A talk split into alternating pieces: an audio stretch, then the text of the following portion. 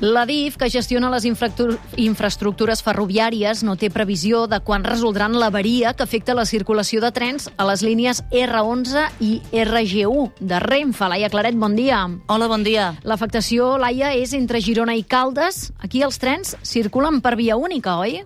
Doncs sí, a l'R11 hi circula un tren per sentit cada hora, per tant, hi ha menys freqüència.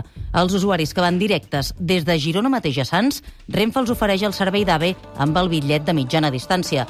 A la línia RG1 hi ha circulació entre l'Hospitalet de Llobregat i Caldes, mentre que entre Caldes i Portbou els usuaris segueixen el trajecte en autobús. Per tant, matí d'embolic pels usuaris. Nosaltres ara veníem a agafar el tren aquí a l'estació de Girona i ens han dit que, que, que, que no. Farem anar amb un bus i suposo que arribarem més tard. A part, jo no conec res de rodollots. M'havien dit que està al costat de, de la parada, la fàbrica on haig d'anar. Hem escoltat per megafonia que hi havia una tallada i que havíem d'agafar l'autobús per anar a Girona des de Caldes i hem trigat eh, quasi dues hores i el viatge és d'una hora i mitja.